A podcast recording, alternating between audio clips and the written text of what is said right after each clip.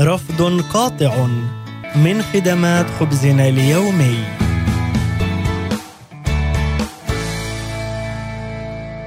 عندما جند النازيون فرانز ياجرستاتر أثناء الحرب العالمية الثانية أكمل التدريب العسكري الأساسي لكنه رفض التعهد بالولاء الشخصي لأدولف هتلر. سمحت السلطات لفرانز بالعودة إلى مزرعته. لكنها استدعته لاحقا للخدمة الفعلية. قرر فرانز بعد إطلاعه عن كثب على الأيديولوجيا النازية ومعرفته بالإبادة الجماعية لليهود بأن ولاءه لله يعني أنه لا يمكنه القتال أبدا من أجل النازيين. ألقي القبض عليه وحكم عليه بالإعدام تاركا وراءه زوجته وبناته الثلاث. على مر السنين رفض الكثير من المؤمنين بشكل قاطع الأمر بعصيان الله وهم تحت خطر الموت. قصة دانيال هي واحدة من تلك القصص.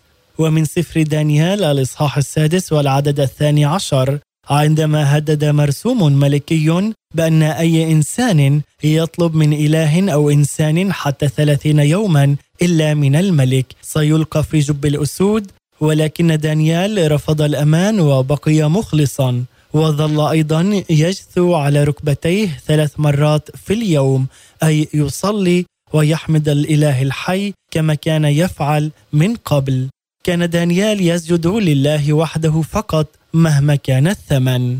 في بعض الأحيان يكون خيارنا واضح بالرغم من أنه قد يناشدنا كل من حولنا بأن نتماشى مع الرأي السائد. وعلى الرغم من أن سمعتنا أو سلامتنا قد يكونان في خطر إلا أنه علينا ألا نترك طاعتنا للسيد الرب يسوع المسيح حتى ولو كانت التكلفة باهظة جدا في بعض الأحيان وكل ما يمكننا تقديمه هو الرفض القاطع أين تشعر بأن طاعة الله ستتطلب رفضك القاطع لعصيانه؟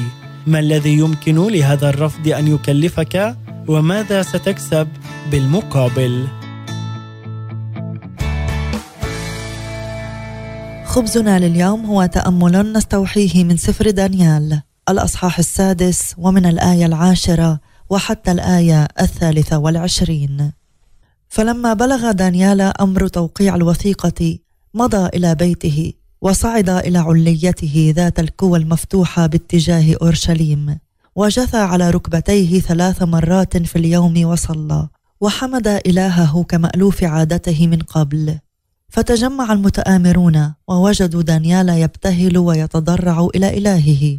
فمثلوا في حضرة الملك وتباحثوا في أمره الذي صدر وقالوا ألم توقع أيها الملك أمرا يحظر على كل إنسان رفع طلبا إلى إلهه؟ أو إنسان سواك مدة ثلاثين يوما ومن يخالف ذلك يطرح في جب الأسود؟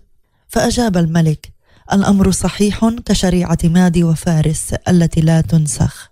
حينئذ قالوا للملك إن دانيال أحد مسبيي يهوذا قد استهان بك ولم يأخذ الأمر الذي وقعته بعين الاعتبار بل ها هو يرفع طلباته لإلهه ثلاث مرات في اليوم.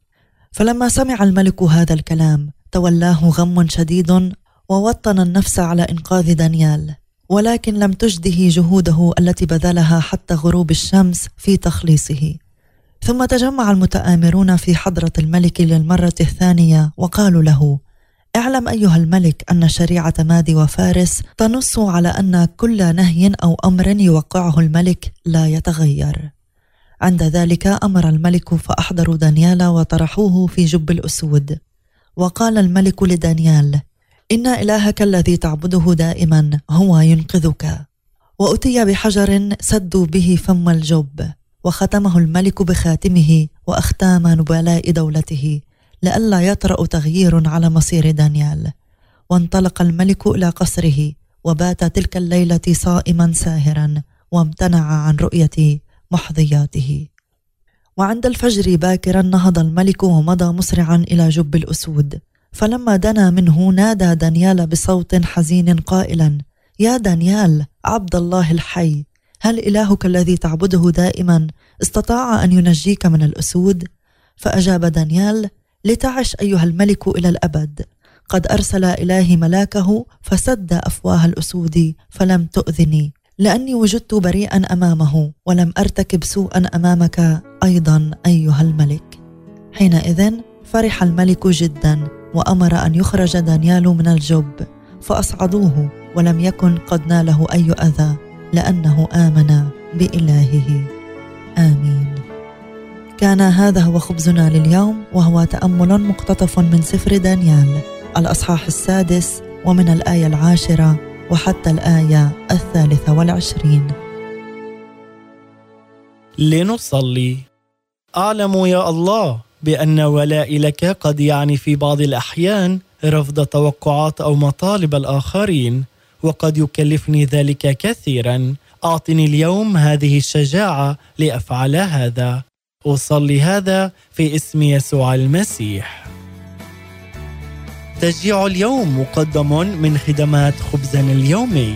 يمكنكم أيضا زيارة موقعنا odb.org